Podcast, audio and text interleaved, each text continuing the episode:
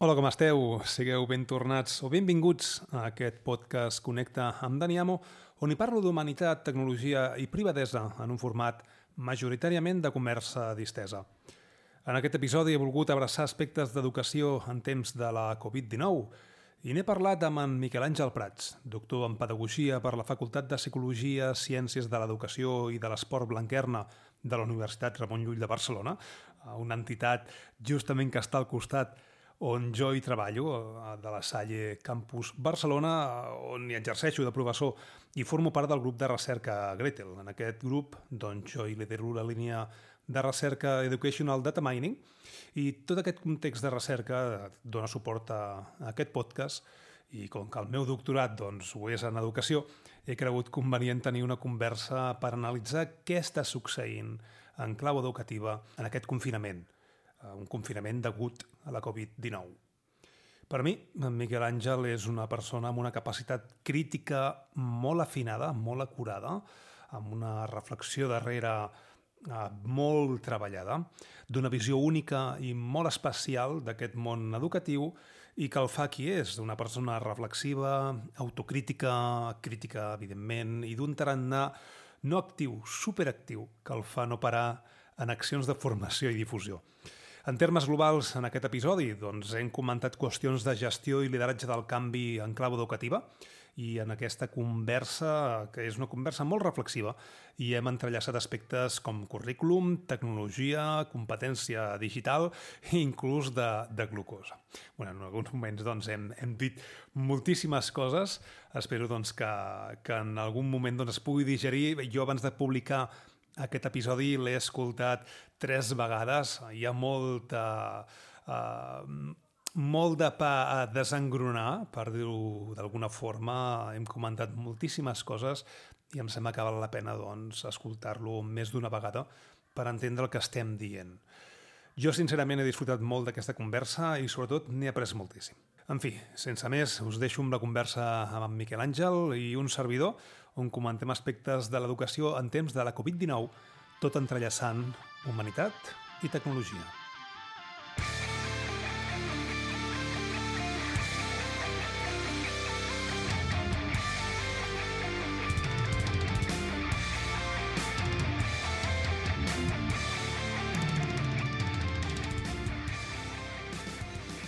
Bueno, Miquel, ja hi som, per fi, després d'unes quantes intentones. Sembla, sembla que sigui fàcil això de la, de la comunicació, uh, però a vegades trobar un forat per, per comunicar-nos en, en l'internet en, en la, i per connexió doncs és més complex del que sembla. Estem sempre connectats, però mai disponibles.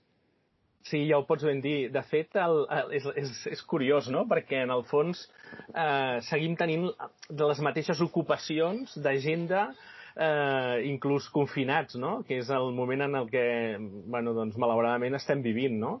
Però certament la gent pensa, bueno, tindré com més temps, podré escriure, podré llegir més, i, i no és així, no, no, no, no és cert, no és cert, no?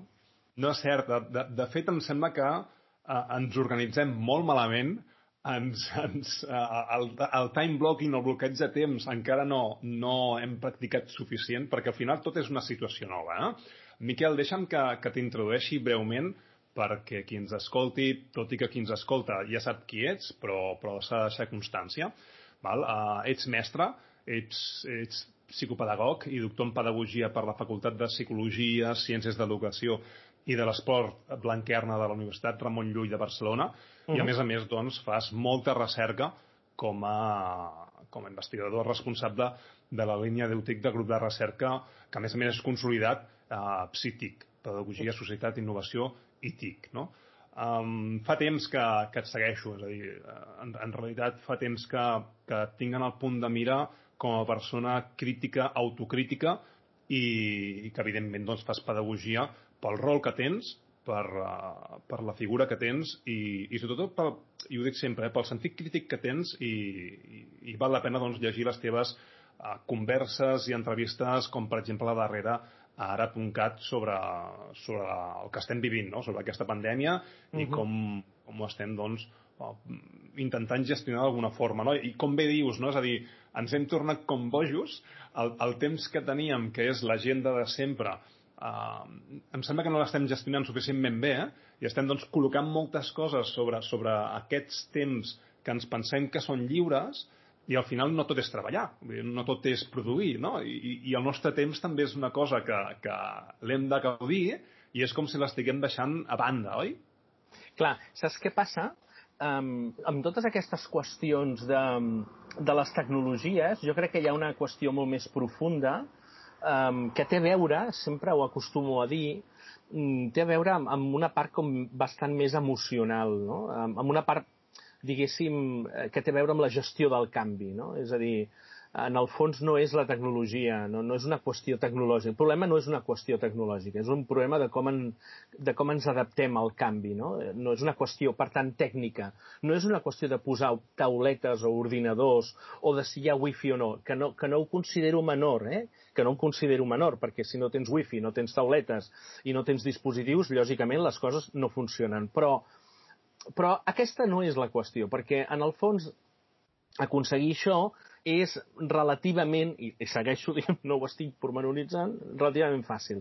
Jo crec que el que és realment complex eh, i, i molt difícil és gestionar el canvi i, i sobretot veure el marc mental en el que ens movem. Jo crec que aquest és el gran problema, no? És a dir, um, i, i, aquí és on, i aquí és on anava, en, en, mira, en la darrera aquesta entrevista de l'Ara, no? És a dir, um, sigui, pensar que podrem fer el mateix eh, que en l'ensenyament presencial i, i passar-ho tot la, en línia, doncs és un error.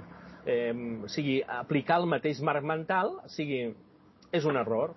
I, i aquest és el, un dels veritables grans problemes que jo crec que en el sector, en l'àmbit educatiu tenim, eh? que vulguis o no, sempre volem amb el, anar amb els mateixos marcs mentals eh, davant de, de, diguéssim, de determinats canvis. No? És com allò de dir, no, no, escolta'm, a mi, per molt que vinguin molts canvis, jo sempre vaig de la mateixa manera. Doncs, vos, vos tindrà, vostè tindrà un problema, perquè no se n'adona que el que... O sigui, és com aquell que va a cavall i ve el cotxe i diu, ah, pues jo sempre aniré a cavall. No? Bueno, doncs vostè, escolti'm, sap què? Pot anar a cavall però hi haurà un moment que els camins de cavall i de, i de carro desapareixeran, per tant vostè tindrà un problema, que és que no podrà, no podrà anar a cavall i si vol anar a cavall anirà mm, per casa seva, perquè tot estarà adaptat, al, en aquest cas, al cotxe. Per tant, eh, i no podrà sortir a cavall, és a dir, no es podrà desplaçar, per tant, estarà gairebé eh, en el fons doncs, eh, obligat a utilitzar el cotxe, no? I hi ha gent que s'entesta a dir, no, no, doncs jo el cavall. Bueno, doncs escolti'm, utilitzi el cavall, cap problema, no? Bueno, poso aquí la caricatura al voltant d'això, però és una qüestió de marc mental, no? De canviar els nostres marcs mentals. Jo crec que el nostre cervell probablement, i els que en saben més de neurociència ens ho poden acabar corroborant, és un cervell molt mandrós, no? que, que li costa canviar, que, que quan els canvis, els, suposo que per milers i milers de milions d'anys, doncs, eh, ens protegeix i, per tant, tot el que suposa canvi l'estressa, tot necessita ordre, i, i tot allò que fins ara ens funcionava, quan veu que les coses no funcionen i han de canviar, doncs això genera, bueno, doncs això, genera estrès, consum de glucosa i, i ja hi som, no? I quan precisament, en el fons, si hi ha alguna cosa que, que no varia mai, precisament és el canvi, no? que és una... Jo ja gairebé us, us, uh, us suggereixo i us, us encoratjo que, a que pugueu fer una lectura eh, que té molt a veure amb el que estem comentant ara, que és el capítol 19 del Yuval Noah Harari, de les 21 lliçons pel segle XXI, no? La veritat, o sigui, pot ser molt criticat, d'acord, pot ser tot el que vosaltres vulgueu, però, però escolteu algunes qüestions molt interessants crec que ens, que ens aporta doncs, aquesta, aquesta lectura, no? Mm -hmm. Home, en Yuval té una visió molt concreta una visió històrica, eh, concurrent actual, contemporània i, i de futurs, perquè és una persona que medita durant moltes hores al dia. Vull dir, durant moltes hores al dia i fa inclús, doncs, eh, es retira durant un mes o dos mesos i es dedica doncs, a pensar i a, i a unir molts punts. No? Vull dir que jo, el Yuval també és una persona que, que el segueixo molt, darrere, darrerament porta un discurs eh, molt proper al discurs és un, és un discurs doble, un discurs de la por i un discurs de, de la protecció, uh, últimament doncs, està sortint en molts medis i el llibre de 21 lliçons la veritat és que eh, és per degustar-lo. Eh? Jo el tinc sobre de la taula. Eh? Mm. L'he fullejat i el, i el tinc pendent perquè en tinc tants que, que al final uh, em sembla que em donaré d'alta en una plataforma d'aquestes uh, com Blinkist, em sembla que es diu, on, on et fan resums perquè al final vols tant de coneixement que, que no pots adquirir. Has dit uh, moltes coses. Um, una d'elles molt interessants és que estem en, en constant canvi i això és el que no canvia. Eh? És, és, és, és curiós, no? és la paradoxa aquesta de, de, mm. de canvi constant i, i a vegades i aquí està la paradoxa, eh? com que estem en canvi constant, potser el que hauríem de fer és parar, que és una de les coses que, que està com a, a últim... és com l'últim recurs, no? És a dir, sempre tenim aquesta mentalitat de hàmster, no? La roda no pot parar, és a dir, sempre ha d'estar girant, no? I estem en un moment, evidentment, de canvi obligat, de canvi um, sobreposat i, i permanent per la situació que estem eh, o, o per les decisions polítiques en les que estem, eh? no, no per la, perquè la situació es podria haver encarat de moltes formes de, de, diferents, eh? Uh, però hi ha una sèrie de, de, de, de, de consells, una sèrie d'obligacions com a ciutadans, una sèrie de uh, normes i de, de direccions que fa que estiguem doncs, confinats. No? Per tant, d'alguna forma, ens estan obligant a fer les coses a distància, uh, sense parar aquest cotxe i canviar les rodes del cotxe en marxa. No? Llavors, molt poquetes persones han, han dit que potser el que hauríem de fer és parar un moment, és a dir, sortim en aquest pàrquing que hi ha de, de, de descans a, a l'autopista, fem una reflexió i després hi, hi tornem, no? Que això és el que fa el Yuval, és a dir, ell és capaç de fer aquestes aturades, pensar i, i, i a sobre doncs exposar-ho, no? Però la societat i la política i l'economia i, i, i, i a tota aquesta conjuntura actual, eh, el missatge sembla que sigui doncs, eh, viu el canvi, viu-lo constantment i no t'aturis, perquè si t'atures doncs la roda sembla ser que no tornarà a començar. No? En, en educació està sent així. És a dir, eh, qui, qui ha pogut agafar i dir no, no, no, no, no, és a dir, anem a fer una parada, anem a veure com ho podem encarar, perquè això no s'acaba en, aquest, en, en aquest setembre. És a dir, al setembre començarem un nou curs, però serà completament diferent a, als curs que hem viscut fins ara i encara no se sap com serà. Vull dir que encara s'està eh, dient A, B, C eh, dia que passa, no? Llavors, potser caldria eh, no fer rodar la roda del canvi i fer una aturada eh, i prendre les coses amb una miqueta més de calma, perquè al final aquí hi ha molts actors que, que, que, que els està impactant el món d'educació. Professors, estudiants, famílies, eh, pares que estan treballant i que a la vegada han de fer de professors perquè hi ha professors que no estan i, i, no, i no sé com s'ho prendrà qui m'estigui escoltant, eh? no estan a l'alçada eh, perquè no estem preparats, eh? no, perquè no, no perquè no siguin capaços, sinó perquè és una situació completament nova. No? Llavors, estem en, encarant i, i en educació i tecnologia, que és el que a, a nosaltres dos ens, ens toca i, i, i ens agrada i ens hi dediquem. No? Estem preparats o està preparada l'educació i, i quan diem un nom de quan subjectivem aquestes coses eh, és complicat posar culpables. Eh? És a dir, el sistema educatiu està preparat per, a, per enfrontar-nos en, aquest, eh, en aquesta situació de Covid sense aturar-nos? No, jo diria que no eh, jo crec que és evident. No per moltes raons, no? Eh, entre altres coses perquè això ens ha agafat, eh, bueno, la prova és eh, per, per a mostrar un botó, no? Eh, en el fons ens ha agafat, com, diguéssim, amb allò dels pixatòmetres, no? I, I en el fons jo crec que posa de manifest... Um, mira, posa de manifest jo crec que una de les grans paraules que en el nostre sector molt sovint la gent no li agrada escoltar, perquè es pensen que ve del món empresarial, del món... Eh, que és la paraula lideratge, eh, el leadership. És la manera en com, en com influïm eh, i en com somiem eh, i com executem les coses, no? És a dir, eh, o sigui, el somni i l'acció, eh? el somni i l'acció. l'acció, eh, la visió i l'execució, en el fons, no? És a dir, com som capaços de seduir, com som capaços de influir amb les altres persones com per poder portar a terme, doncs això, precisament un, un somni, no? El nostre sector, jo crec que endèmicament eh, no, no, no s'ha pogut aturar i s'ha anat construint en ple vol, no? I jo crec que probablement aquest és el seu, el, diguéssim, el, el, greu, el greu problema, entre altres coses perquè, perquè fixa't, no, es pot, no ens podem aturar. Jo, a mi em fa molta gràcia quan molt sovint alguns profes eh, de cop i volta et diuen bueno, ara ja prou, no? Ja, això ja, ja no ens ensenyareu més, no? O sigui, ja ens quedarem...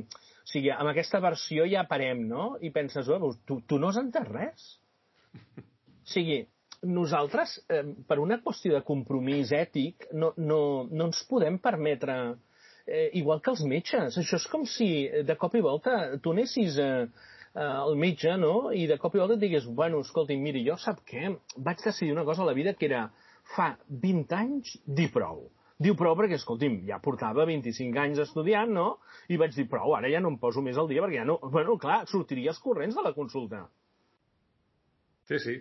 Clar, és a dir, aquest, aquest doctor eh, no, no m'atén, anem a buscar un altre que està més al dia. Ah, efectivament. Per tant, per què? Perquè vols una persona que, eh, i més, ara mateix necessites algú que almenys et pugui dir mm, eh, això és el que està funcionant, això és el d'allò, darrerament i això. Bueno, esclar, escolta, malauradament són professions, és a dir, i dic malauradament perquè, és clar, o t'hi poses o no t'hi poses, escolta, si no, agafa qualsevol altre que, que, eh, bueno, doncs, escolta, són professions que necessiten que hi tinguis un compromís i una responsabilitat d'estar molt al dia i això suposa doncs, que, que t'hi has de deixar el coll i ben asseguro que tenim gent que se'l deixa eh? I, i tenim gent molt compromesa però, però el que a referir és que bueno, no ens ho podem permetre, no ens ho podem permetre perquè ens hi va, en el fons, sempre penso que eh, la nostra professió és una professió que regala, que dona, cedeix temps eh, cedeix temps, no? És a dir, aquestes generacions que els tens a la classe, els hi estàs donant temps, temps eh, or, perquè allò que no facis amb ells, allò que no els hi puguis eh, donar l'espurna com perquè ells puguin aprendre, en el fons eh, s'ho hauran de muntar ells, no? Per tant, tot allò que puguis donar-los com eh, perquè puguin aprofitar, doncs molt millor, no? Eh, és una qüestió de què fan les generacions més grans, els més petits, com perquè puguin aprofitar i posar-se al dia, eh, diguéssim, ràpidament, no? i puguin entendre una mica la comprensió del món tan complex en el que estem, no? Eh, a mesura que va, diguéssim, va accelerant. Per tant, fixeu-vos la complexitat, no? És a dir, com que el, van passant cada vegada més coses i les coses són, en aquest cas, més grans, doncs eh, la, jo crec que la gran feina nostra és començar també a estriar el gra de la palla, no? És a dir, bueno, aviam, hores d'ara, ara, què és important respecte a què no és tan important, no? I el que no podem fer és anar carregant la motxilla, sí, eh, no, no es tracta d'anar carregant el camió, sinó de, el, el camió és el mateix, per o sigui, els cursos són els mateixos. Per tant, es tracta de començar a destriar el gra de la palla, no? És a dir, i program... probablement el tema del currículum, ja sé que no agradarà gaire això que diré a continuació, però probablement el currículum millor l'hauríem de revisar probablement bianualment. Què vols que et digui? perquè, escolta'm, pensar un currículum que, que, que no es mou in eternum, doncs què vols que et digui? No sé eh, a mi ah, tampoc és... m'acaba agradant eh, aquesta idea, no? És a dir, millor cal una revisió cada dos anys del que hem de, del que hem de fer. Mm. Mm. I, I potser aquí està el, el, la controvèrsia, eh? perquè al final tenim en educació dos mons, un d'estàtic i un de dinàmic. L'estàtic és el currículum. Al final és, és, és una cosa doncs, que, de fet, ens ve no al 100% donada, però hi ha uns BOE, hi ha uns, unes directrius doncs, que s'han de donar unes assignatures, algunes eh, deixen d'existir, algunes es passen com a opcionals, no? aquestes matemàtiques que ara s'ha dit eh, que són opcionals, amb la qual cosa hi ha una sèrie de, de, de continguts que ens venen donat, però allò que no ens ve donat, que és la tecnologia de com impartiràs aquests continguts, és el que està més dinàmic que, que, que mai. No? I en, Kevin Kelly ja, ja ho diu en el seu llibre de, de les 12 coses inevitables. Kevin Kelly és aquest eh, cofundador de, de la revista Wired. No? La tecnologia és inevitable perquè és in, in, intrínsec al, al, al ser humà, no? És, és aquesta idea de, de cyborgs en el sentit de que extenem les nostres possibilitats com, com a tecnologia podem, podem crear, no? La llança ja era, o sigui, el, el fet de caçar amb llança ja ens feia uh, uns cyborgs, no? No, no, és un, no és un concepte nou.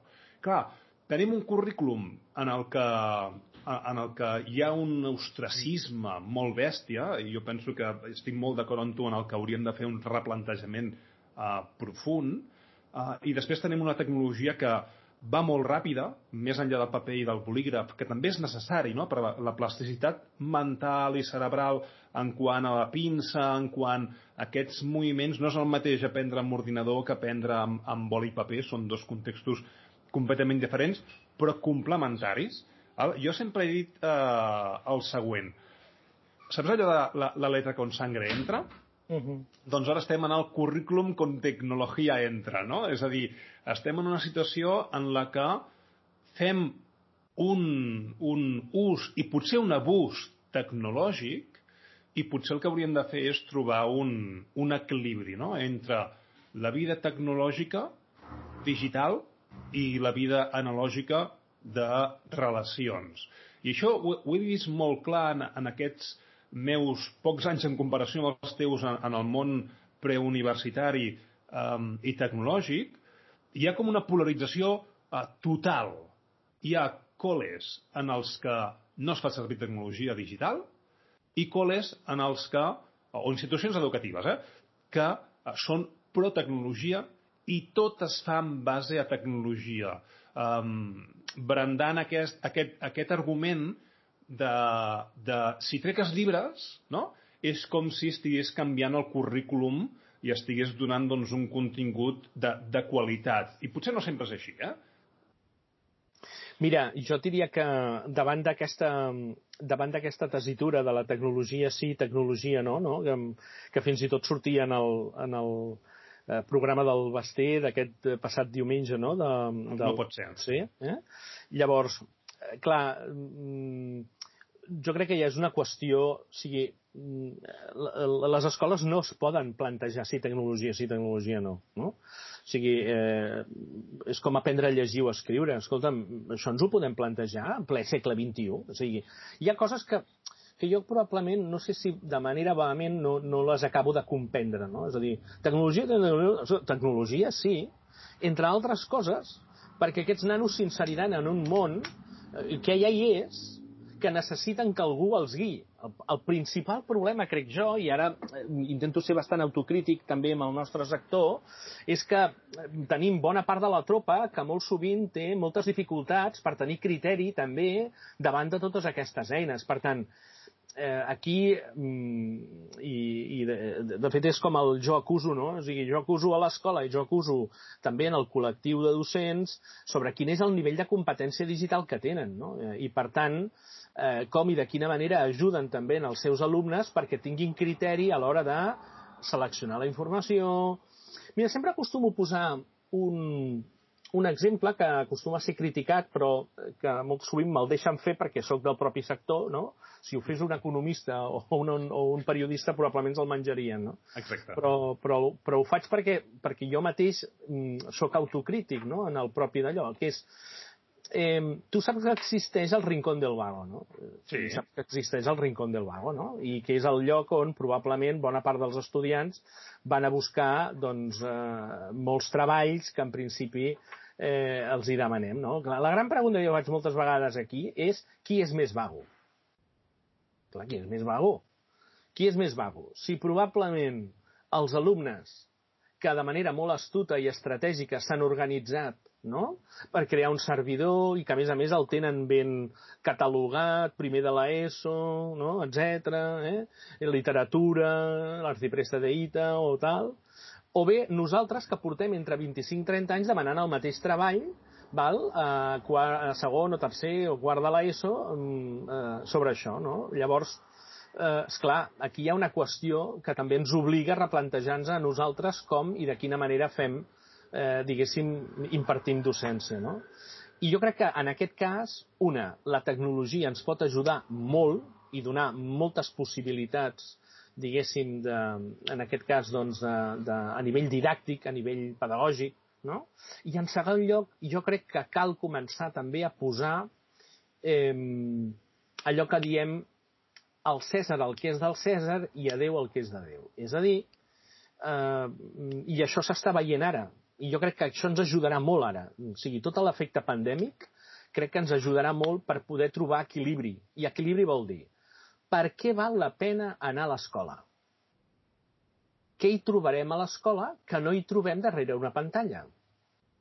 Per tant, per què és important que els nanos socialitzin? Per què és important que puguem anar a escola? Per què és important que ens puguem veure amb els altres companys?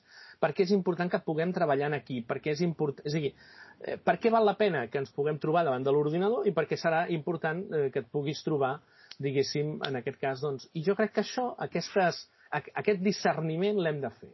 Ens obliga a fer-ho la tecnologia, perquè resitua, perquè d'alguna manera resitua eh, una mica l'efecte docent, no? I crec que és important que ens ho plantegem, no?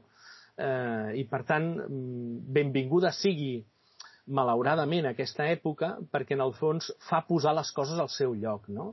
Perquè el que no podem fer en ple segle XXI és estar repetint unes diapositives eh, llegint el mateix que hi ha perquè, perquè no toca, perquè això no toca i perquè aquest col·lectiu de nanos ens demana i ens exigeix un altre tipus de repte eh, a l'hora que estiguem tots junts, no?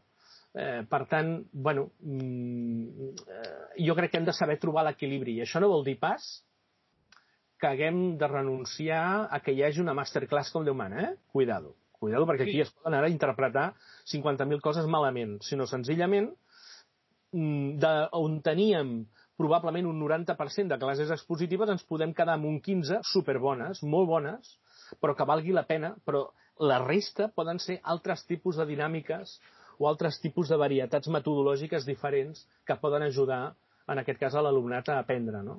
Amb, perdó, amb i sense tecnologia. Efectivament. Fet, efectivament. Educació està vivint un, un moment uh, agradols, molt interessant i de d'assentament de, de futur, eh? com, com ho veig jo. És a dir, fixa't que les persones que ens toca liderar, perquè al final és així, eh? és a dir, liderar aquest canvi o, o aquesta nova mentalitat educativa són persones, eh, sobretot, que venim d'un món no digital. És a dir, en el sentit de que eh, jo, el, un, el primer telèfon que vaig tenir, si no me'n recordo malament, va ser als 18 anys, 17, i, i, i, i potser 19 anys, eh?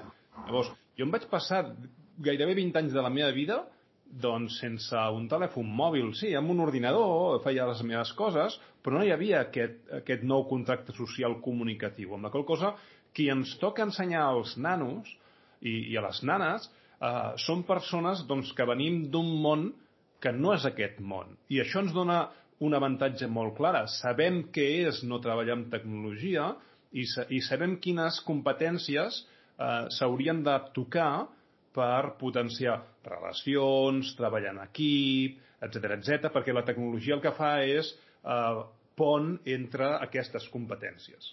És, és el, la, el, el típic tòpic de la tecnologia no és el fi, sinó que és un, és un medi. No? Amb la qual cosa, els docents estem, el que deies tu, és a dir, no, no podem renunciar a l'aprenentatge continu perquè ara és quan estem fent aquest màster que no ens han ensenyat a la, a la carrera que abans era carrera i ara és grau. No? És a dir, els que som docents, els que som mestres, els que som... Hem, hem rebut un ensenyament no en línia i qui té aquest coneixement és perquè o ha fet un màster o l'està vivint ara mateix.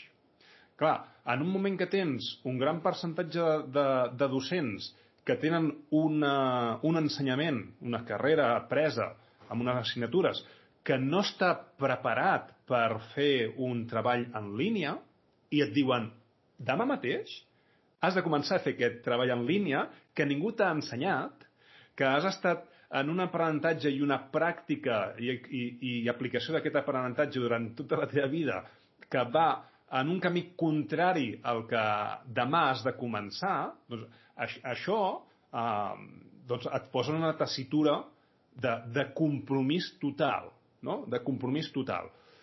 I, I si no estàs a l'alçada, o la situació no et permet estar a l'alçada, doncs ve, ve en el, um, aquest del periòdico no? que diu que els docents estem en una tessitura doncs, molt complexa, en el que ho estem passant molt malament, en el que eh, no sabem quan sortir-nos, perquè tenim tants camins, tantes opcions, que el, el, el problema que aquest del Basté del no pot ser ho, ho deixa ben clar. És a dir, hi ha tantes posicions a prendre que, que a la vegada totes semblen correctes, però a la vegada totes són com incorrectes. No? Mm. Llavors, quin és el camí que, que, que hem d'aprendre, no? Perquè al final molts docents s'ho estan plantejant. És a dir, haig de, haig de continuar amb el currículum? Puc dir-li al meu director que passo del currículum i que les sessions setmanals són per veure com estan el, els, els alumnes en comptes de donar una classe magistral? No? Mm. I, I jo amb la meva filla ho noto moltíssim. Eh? Jo tinc una, una filla de 9 anys quan no hi és la presència del tutor o del professor, la meva filla es pensa que està de vacances. Amb la qual cosa, um, fer el que ara li toca fer no? socialment, que és aprendre a treballar el currículum, um, per ella doncs, no, no té cap mena de sentit. En el moment que apareix la figura del tutor, tot es posa com al seu lloc i llavors s'anima a fer coses per ell mateixa relacionades amb l'escola, no?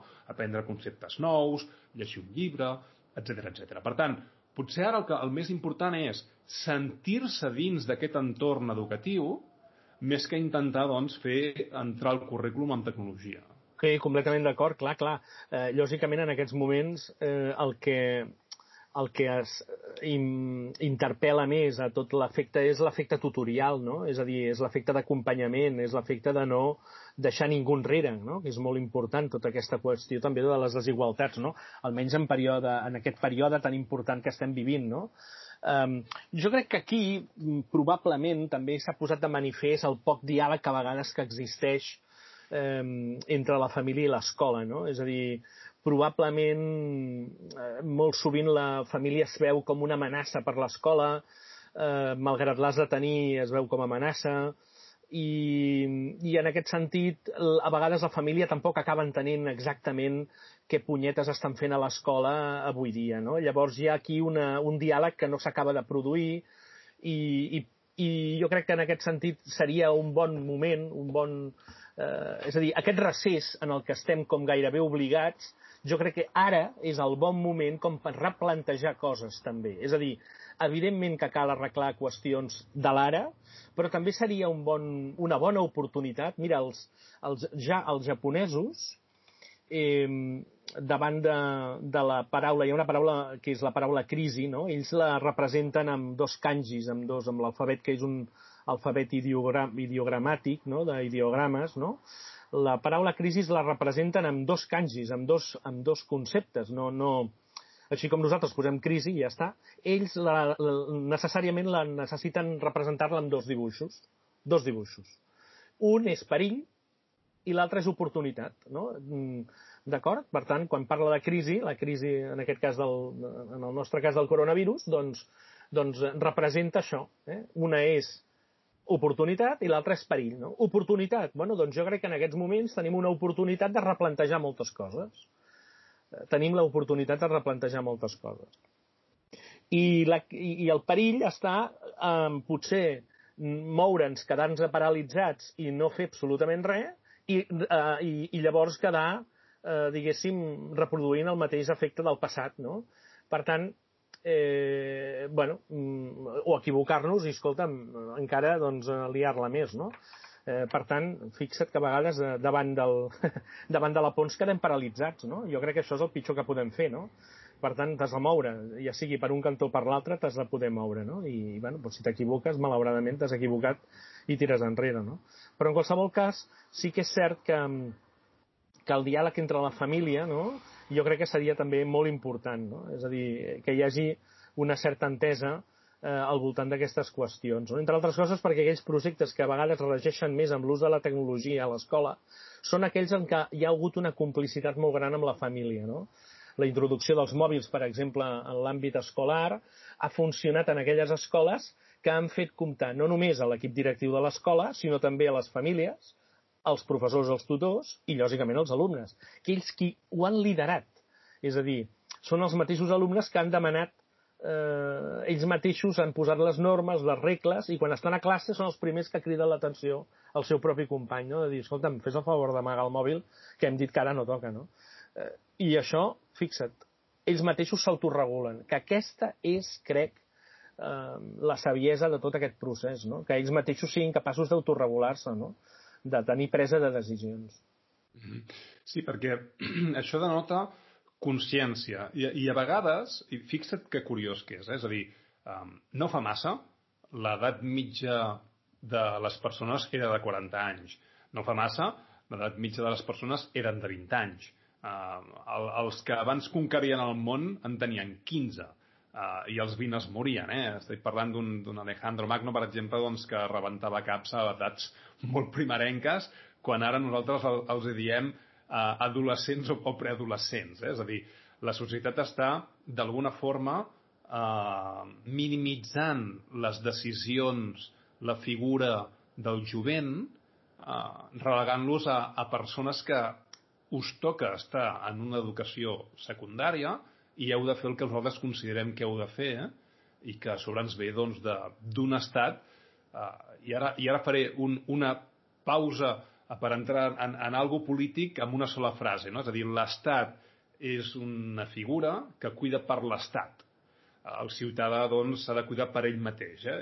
I, i intentaré doncs, no fer cap, cap més al·lusió, però si el ciutadà s'ha de cuidar a ell mateix, l'hem de donar-li eines perquè ho pugui fer. I quan abans els hi donem, doncs millor. Amb la qual cosa, si els, els alumnes, els estudiants, i les estudiants poden decidir en el seu procés d'aprenentatge, e, és, uh, la tessitura canvia. La seva comprensió del, del context uh, és un context en el que se'l poden fer seu d'alguna forma. Evidentment, el 100% no pot ser, perquè hi ha coses que ens venen donades, no? però si l'alumne és partícip d'aquest aprenentatge i això vol dir que hi prengui part prenent decisions, no que prengui part uh, estudiant continguts i no, no, que prengui part prenent decisions, no? Si és així, l'alumne s'hi veu molt més implicat perquè, perquè té la capacitat de fer-ho.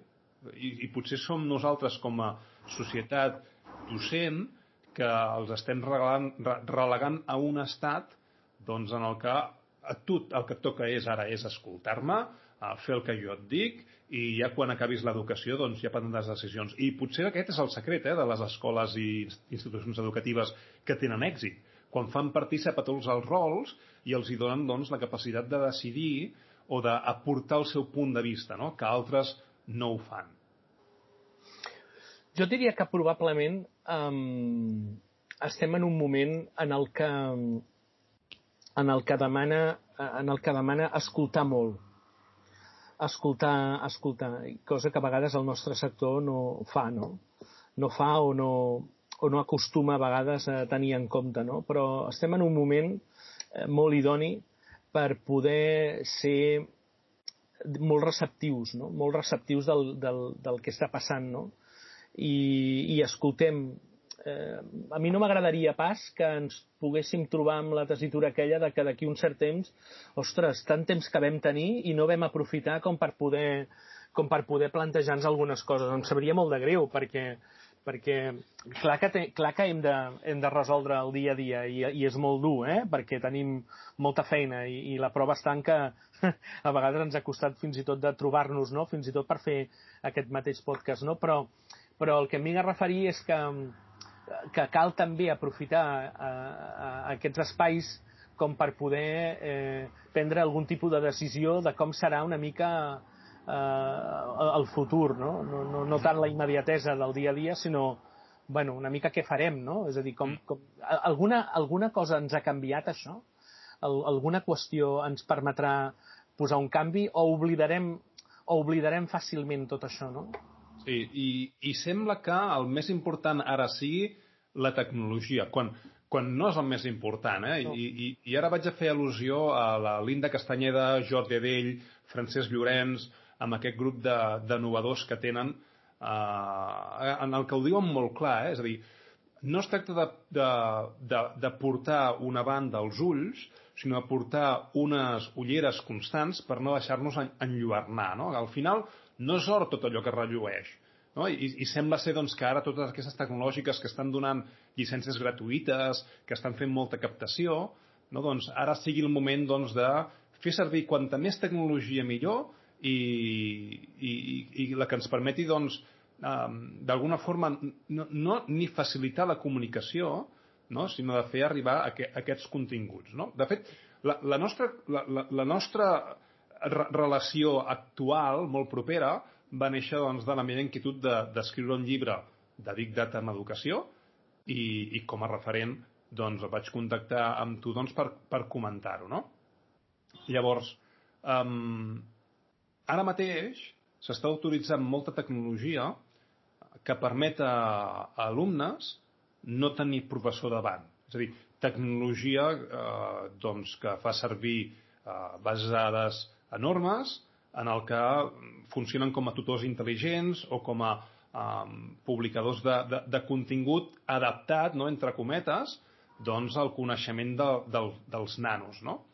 Ah, I, I a la meva escola, per exemple, l'escola on va la meva filla, li han posat un programa d'aquest tipus on el docent no està fent massa cosa que enviar les correccions setmanals mm -hmm. i, i deixar que el programa, el programa sigui el que autoavaluï aquest, aquest nano. Eh? I, i jo sóc i, i jo sóc el que té el blog d'edolítiques.com i el que eh, aboga per una anàlisi del comportament de, dels estudiants, però amb el sentit de que hi hagi una comunicació tutor-alumne eh, i en el cas s'utilitzi l'analítica com a algo referent, com a, com a un suport més que està allà, per tenir una conversa. Jo, jo, jo concebo l'educació com que l'educació és comunicació.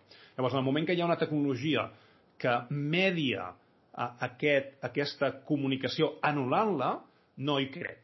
Jo no, no hi crec, perquè al final educació es tracta de dues persones. No? És a dir, per, per posar un vídeo de YouTube i, i deixar-lo funcionant durant tota la classe, eh, no cal un docent, cal un tècnic que vingui a fer-li un, un clic al, al play del, del YouTube, no? Llavors, jo em dono compte de que estem en una espiral on tenim frases com les, les següents, no? La tecnologia ha de ser invisible mm -hmm.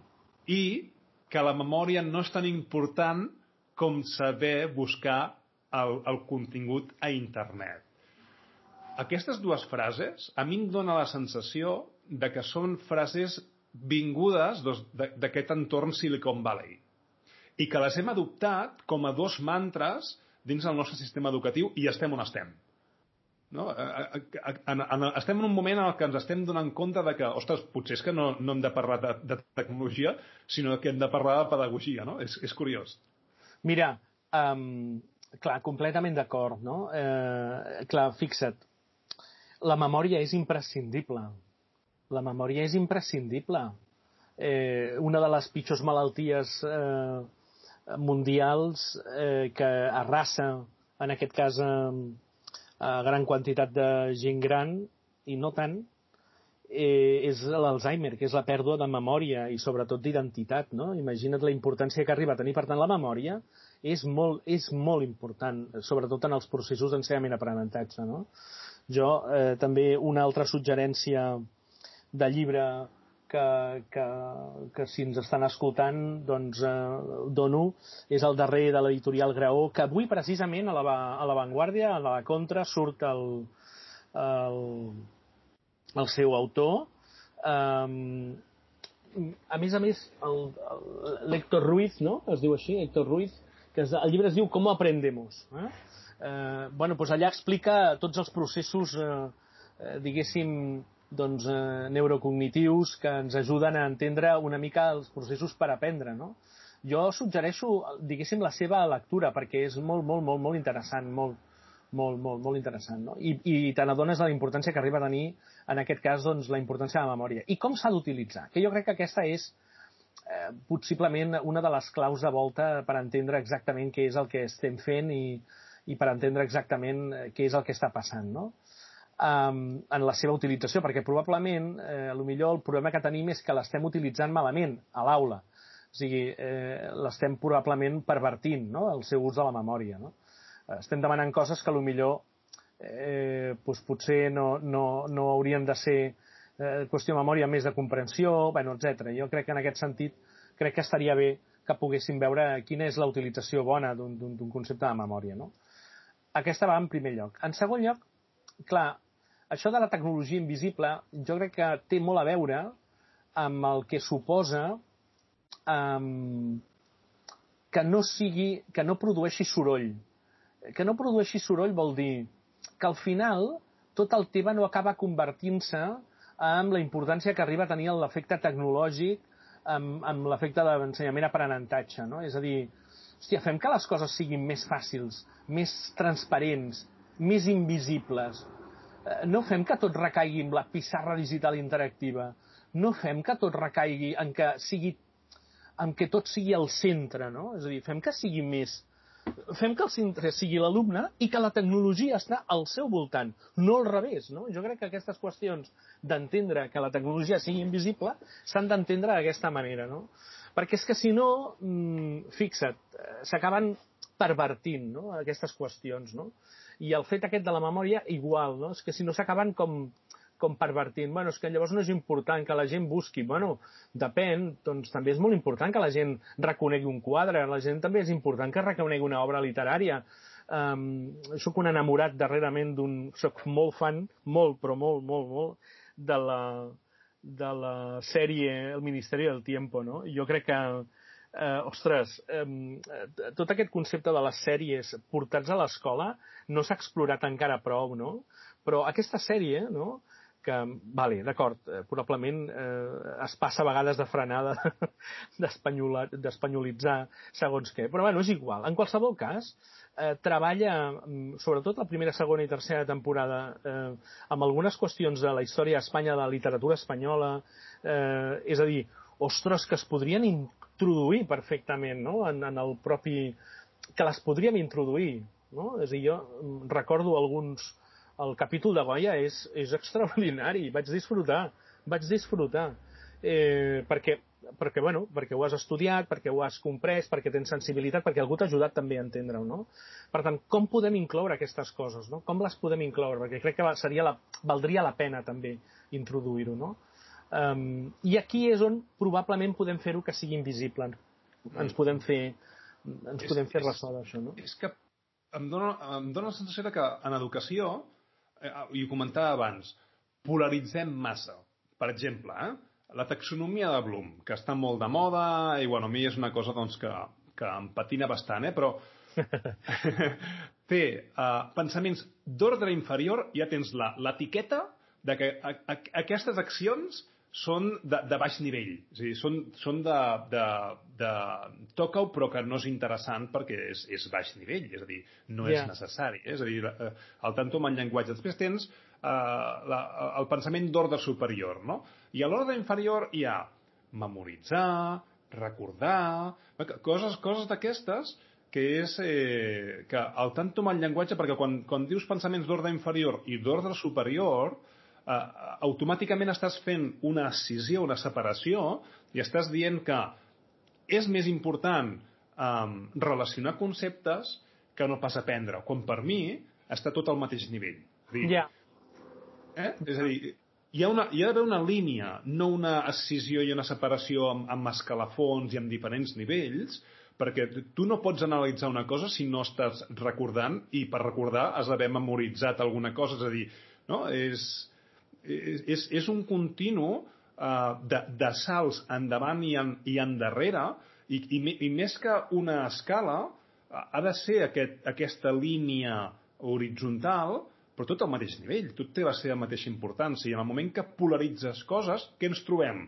Doncs que per aprendre literatura espanyola el que fem és només memoritzem. És a dir, eh, siglos de oro, siglos no sé què, las sombras, pam, pam, pam, los autores, dates que han escrit, i, i no per què ho han escrit i qui són, és a dir, la, la conjuntura social i, i cultural de cadascun dels autors condiciona les seves obres. I això és, són, són punts que no relacionen. I entenc que això a la, a la sèrie del Ministeri del Tiempo és el que t'exposa, és a dir, mm. la conjuntura d'aquell autor i com és que ha escrit el que ha escrit. I a, aquests punts d'unió um, no, no es veuen al, en, en educació, en educació preuniversitària, no es veuen, no? I, i, i faig un exemple del, del ciclo, el ciclo de l'aigua, el cicle de l'aigua, es repeteix, es va repetint, no? És a dir, eh, es va dient exactament el mateix. En comptes d'escalar, no? però no, no escalar en contingut, sinó en escalar en, en unió de punts, el que fa és doncs, repetir i en tot cas afegir cosetes noves, de contingut un altre cop, però no d'unió de punts entre continguts. Mm. Uh, Ostres, has, has tocat molts temes, yeah. eh? ho, ho acostumo a fer, eh? haig, haig, de començar, haig de començar a... Has, has, has tocat molts temes, però jo crec que molt, molt d'ells, eh, bueno, molt pertinents, no? Um, jo crec que a vegades el llenguatge ens traeix ens traeix molt, no? I, i, i mira, per exemple, jo sempre que parlo de la taxonomia, jo sóc un gran amant de la taxonomia del volum, però perquè em permet però perquè em permet, en aquest cas, explicar la de Marzano. que, vale, que, vale. Que, que és, és molt més, palanca clar, que és un molt més interessant i que em permet fins i tot acabar amb la metacognició, que no treballa en aquest cas Bloom i, i per tant que em permet en aquest cas anar de manera molt més profunda amb altres coses d'aprenentatge no? I, i fins i tot parlar del, del que suposa el nivell taxonòmic no? però en qualsevol cas sempre has de tenir la prevenció de posar això que deies tu, no? Compte amb com enteneu les habilitats d'ordre de pensament inferior i les habilitats de pensament superior, que no vol dir pas que unes siguin eh, diguéssim, eh, més, més importants que les altres, perquè per defecte el significat d'inferior i superior el tenim sempre eh, posat a que sigui més gran o més petit, no? És a dir, però si jo et dic que millor inferior vol dir més profund i superior et dic que et permet eh, ser capaç d'aprofitar la profunditat per crear, eh, les coses també canvien, no? Per tant, eh, a vegades el significat que podem arribar a tenir amb les paraules també, en aquest cas, pot canviar també tot el seu propi context, no? Però estic, estic d'acord amb tu, a vegades això ens permet trair. Llavors has de fer totes les prevencions possibles abans de començar perquè la gent no ho entengui malament. Perquè llavors de cop i volta diuen, ah, vale, llavors les més importants són les de dalt. I llavors acabes dient, sí, però és que no pots fer les de dalt si no has treballat les de baix. Per tant, és com allò de dir, no comencis la casa per la teulada, perquè probablement doncs no, no, no d'allò, no? bueno, en qualsevol cas, aquest seria una qüestió, no? I la segona també té molt a veure amb el que comentaves tu, no? És a dir, ostres, um, a vegades en el nostre entorn eh, jo crec que sovint eh, bueno, potser improvisem massa, no? potser improvisem massa, no? I, i en aquest sentit ens caldria, eh, què és el que ens està passant ara, no? Eh, eh, probablement eh, tothom parla del, del, de estem fent teletreball o estem fent... No, escolta'm, vostè no està teletreballant. Vostè està fent eh, jo què sé, treballa a distància a casa. Però vostè no està teletreballant, perquè si estiguéssim teletreballant, eh, els que teletreballen, no sé, tenen com unes eh, consignes més, més importants que el que estem fotent aquí amb quantitat d'hores que no sabem exactament què passa, no? Per tant, una. I dos, nosaltres no estem fent ensenyament a distància, estem fent ensenyament d'emergència com podem. Per tant, cal parlar en propietat, perquè d'alguna manera acabem confonent a la, a la gent, no? És a dir, i, no m'estranya que els que fan realment ensenyament a distància eh, en el fons s'emprenyin, perquè diguin, bueno, escolti'm, és que vostè necessita planificar, necessita dissenyar, necessita... Eh, i, I a mi em sabria fins i tot greu, fins i tot...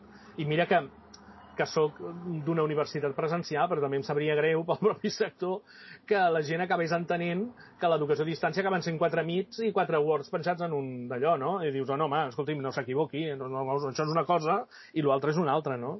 Eh, però bueno, jo crec que en aquest sentit ens cal, jo crec que ara ens cal, com deies tu al començament, eh, aprofitar l'aturada per replantejar què és el que estem fent i què és el que volem. Jo crec que ara l'oportunitat que dèiem abans, no? És a dir, oportunitat i perill. Oportunitat, podem pensar, i el perill, el perill probablement seria no fer-ho. Mm -hmm. Mm -hmm. I el, el perill seria no fer-ho, és, és el que Engi que estaves dient, no? és a dir, tenim aquest perill i aquesta oportunitat, no? Que a vegades les oportunitats no estan per aprofitar-se. No sé si m'explico, eh? Al tanto, eh? És a dir, um, i ara vull entrar en un tema de conveniència tecnològica, no? Fixa't, és una cosa que tu em vas comentar uh, en, el, en el darrer mes, no? quan estàvem fent una, una visió històrica del docent tecnològic, no? I com era abans el docent tecnològic i, i com és ara, no? És a dir, um, comentaves doncs, que aquest docent era, era més tastaulletes en el sentit de que és com Juan Palomo, no? Jo me lo guiso, jo me lo como. Ara, i, per, per tant, jo, jo entenc, per la, i, i corregeix-me si m'equivoco, eh? entenc que abans el docent, en les beceroles de la tecnologia, era molt més tequi, no? era molt més tecnològic i tenia una competència digital molt més elaborada, i ara el, el, el, el docent no és que sigui, tingui una competència digital um, en el sentit de... Ostres, com, com ho puc expressar? És a dir, ara el docent digital és més usuari de la tecnologia no? que eh, desenvolupador de la tecnologia. No sé si m'acabo d'explicar. És a dir... Sí, bueno, jo crec que així com... Bueno, ara el que ha passat també és que el, el, eh, hem passat d'una commodity, és a dir, jo crec que aquesta, aquest, aquest, aquest confinament també ha servit com perquè el docent s'espavili. O sigui, malauradament, a mi em sap, molt, em sap greu, eh? Però ara es compro cap a casa. Però el nivell de competències digitals de la tropa ha augmentat. Clar, jo me n'alegro, sincerament, perquè m'ha pres un munt, tots. Jo el primer, eh, t'asseguro. Eh? En el sentit aquest que ens ha obligat, ens ha obligat a, ens ha obligat a tots. Uns, o sigui, per un cantó, els que hem de donar suport a fer guies i a posar-te les piles, perquè potser no sabies com es feia un qüestionari de no sé què, o potser no sabies com es feia no sé quantos, però és que com has d'ajudar el teu company que ho necessita perquè no sé què, bueno, doncs has de posar les piles. I l'altre, com li has explicat, ja ho sap fer. Per tant, aquí s'ha posat les piles tothom. Llavors acabes pensant, ostres, eh, pues escolta'm, què vols que et digui? ja clar, està bé com estem. Clar, no? què vols que et digui? En el fons, doncs, eh, sí, ens ha anat, sí, doncs ha anat bé, sí. D'aquesta manera havíem de doncs no sé si han d'aprendre o no, però, però, però bueno, mmm, hi ha gent que no ha fet res? Bueno, sí, també, probablement no ha fet res, però... Eh... Però clar, la, la competència digital, en, en què consisteix en realitat? No? Perquè eh, abans, quan tu volies eh, fer un qüestionari online, i estic parlant dels 90, eh, per exemple, ostres, t'havies de muntar tu el servidor, t'havies tu de posar la plataforma, d'instal·lar-la, de configurar-la i després llançar-la, no? Uh mhm. -huh. ara, tot, ara tot això és molt més fàcil. És a dir, la competència digital està passant cap a un estatus d'usuari expert d'eines digitals, que a vegades aquí hi ha la confusió de termes, no? És a dir, mm. un competent digital avui dia és aquell que sap fer servir qualsevol eina um, de forma com un usuari experienciat?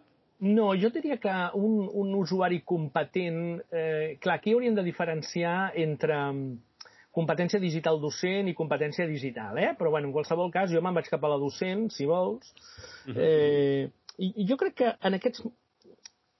Aviam, fem una cosa. Eh, eh, definim competència digital i després anem cap a la docent, si vols, no? Però jo diria que aquella persona que, és, eh, que té competència digital és aquella persona que és capaç de demostrar tot un seguit d'habilitats i destreses i de posar en, en solfa mm, qüestions que tenen a veure amb eh, doncs, eh, dispositius i procediments eh, de llenguatge, en aquest cas amb dispositius eh, digitals, no? dispositius i llenguatges digitals. No? En el fons els poses en, en, en procediment, els poses en, en, en, en transferència, no? els poses en, en, en, en funcionament, no? Eh, per solucionar, per, eh, diguéssim, resoldre situacions de la teva vida, no? En resolució de problemes, etc. Vale? I, i t'adaptes. I resols problemes. O sigui, la gràcia és que ets autònom. Jo crec que la gràcia de la competència és que ets capaç de ser autònom, comprens la complexitat del tema, eh? o sigui, per posar-nos un exemple, una persona que és competent digital és aquella persona que se n'adona que probablement fent una foto i la pujant-la veu les conseqüències que hi ha al darrere. Una persona que és competent digital és aquella persona que probablement és capaç de dir prou, ja en tinc prou, sóc capaç de desconnectar. Agafa el mòbil, el, el fot a la brossa, és a dir, això sí que, això ser una, una persona competent, no? És a dir, que és capaç d'autoregular-se, eh, posar mesura, prendre decisions, resoldre problemes, per tant, té aquesta capacitat crítica no, una mica de, de, de tot plegat. No? I en l'àmbit docent, jo crec que la gràcia està en dominar aquestes dues, dues opcions de, una, la part més instrumental i la part més metodològica. És a dir, a quina metodologia va cada tecnologia, no? És a dir, ostres, aviam, he de fer grups cooperatius, doncs probablement això anirà bé per això. Aviam, hem de fer grups de resolució de problemes, doncs mira, probablement aniria bé això. Ostres, i si necessito fer eh, això, com ho hauria de fer? Espera, deixa'm-ho pensar, puc fer això, puc fer allò, puc fer l'altre... O sigui, ser capaç de veure el ventall de possibilitats i trobar l'eina més adequada, més simple, simplificar les coses, no? de cara a, a que hi hagi això, no? una simplificació eh, diguéssim, de les coses. En, en tecnologia sempre hem tingut allò típic de dir ostres, surt un bloc, ostres, doncs podria fer... I llavors el bloc serveix per tot. I llavors ja liem, no? Perquè el bloc només serveix pel fer el bloc. Però eh... és, és, és allò de... Uh, Kahoot és innovació, fotem Kahoot a tot arreu, clar, amb clar, cosa, la, la innovació desapareix. Ah, exacte, i llavors la liem, perquè llavors acabes utilitzant Kahoot de manera perversa, malament, llavors eh, la gent no acaba d'entendre l'ús del Kahoot, llavors inclús eh, acabes malbar sigui, malversant tot el tema del Kahoot, bueno, esclar, en fi, s'acaben fent salvatjades al voltant de coses. I llavors la gent no acaba entenent entre diferents d'un blog, d'un d'un site, d'un sí, no? podcast, exacte, d'un podcast, podcast que ara està de moda. És el mateix, això que l'altre, bueno, perquè tu han utilitzat això per 50.000 coses diferents, no? No, no, per cada cosa una cosa diferent, no? Eh, I aquí està la complexitat del tema, no? Eh, que llavors... Eh, però jo crec que aquesta és la riquesa, precisament, no? I que cada cosa està pensada per una qüestió, no? L'altra cosa és la flexibilitat que tens, no? Però, o la creativitat, però també és important ser com molt fidels al voltant d'això, no? Eh... A, vegades, a vegades continuem brandant la tecnologia de la mateixa forma que eh, sempre, no? Efectivament, efectivament. Sí, sí. Miquel, eh, ens hem posat, doncs, que aturem de molt bé. A, a 11 molt i quart, eh? Anem, a, anem a ser estrictes en aquest time block i, a més a més, ens queda un minut per, per fer l'hora de, de, de conversa. Fantàstic. Uh, jo n'he pres moltíssim, n'he pres moltíssim perquè ets un llibre obert i tens una capacitat, eh, que he dit al principi, crítica i una visió excepcional. Per això estàs en el diari ara uh, i fent doncs, la, les entrevistes que, que estàs fent i, i comunicant de la forma que a vegades et, et cauen joies per dir, sí, per dir certes coses. Exacte. Sí. Que, que potser eh, qui, qui envia aquesta joia és perquè no està preparat, eh? però bueno, això ja són opinions personals. Si et sembla, podem deixar aquí, però m'agradaria doncs, a, acabar amb la teva veu. Eh? És a dir, um, com, com podria un docent afrontar aquesta situació? Evidentment, no hi ha una veritat absoluta, no? però dues o tres pinzellades de, de com ho podríem um, encarar potser seria adequat no? per, per donar una tancada a tot el que hem estat dient. Eh? Bueno, dic docent, dic directiu, dic societat, no? és a dir, eh, et deixo doncs, el, el temps que vulguis per comunicar el que consideris oportú. Molt bé, doncs mira, ja que tenim un minut, doncs eh, jo crec que hem d'encarar-ho amb el màxim d'optimisme possible, no? amb el màxim de positivitat. Eh, jo crec que ens en sortirem, no? La, el mantra que, que, que ens acompanya tota l'estona, no? ens en sortirem, sortirem. Jo crec que sí, evidentment, clar que ens en sortirem i no ho podem fer d'una altra manera, no? lògicament. No? Per tant, serà dur, bueno, ningú diu que siguin les coses fàcils, no? però, però jo crec que d'això en sortirem més forts, jo crec que cal que anem prenent nota de totes les coses que, que van sortint, no? Eh, perquè anem podent... O sigui, fixa't, una de les coses que vaig aprendre molt quan vaig estar com a director d'educació infantil és la importància que arriba a tenir documentar. No?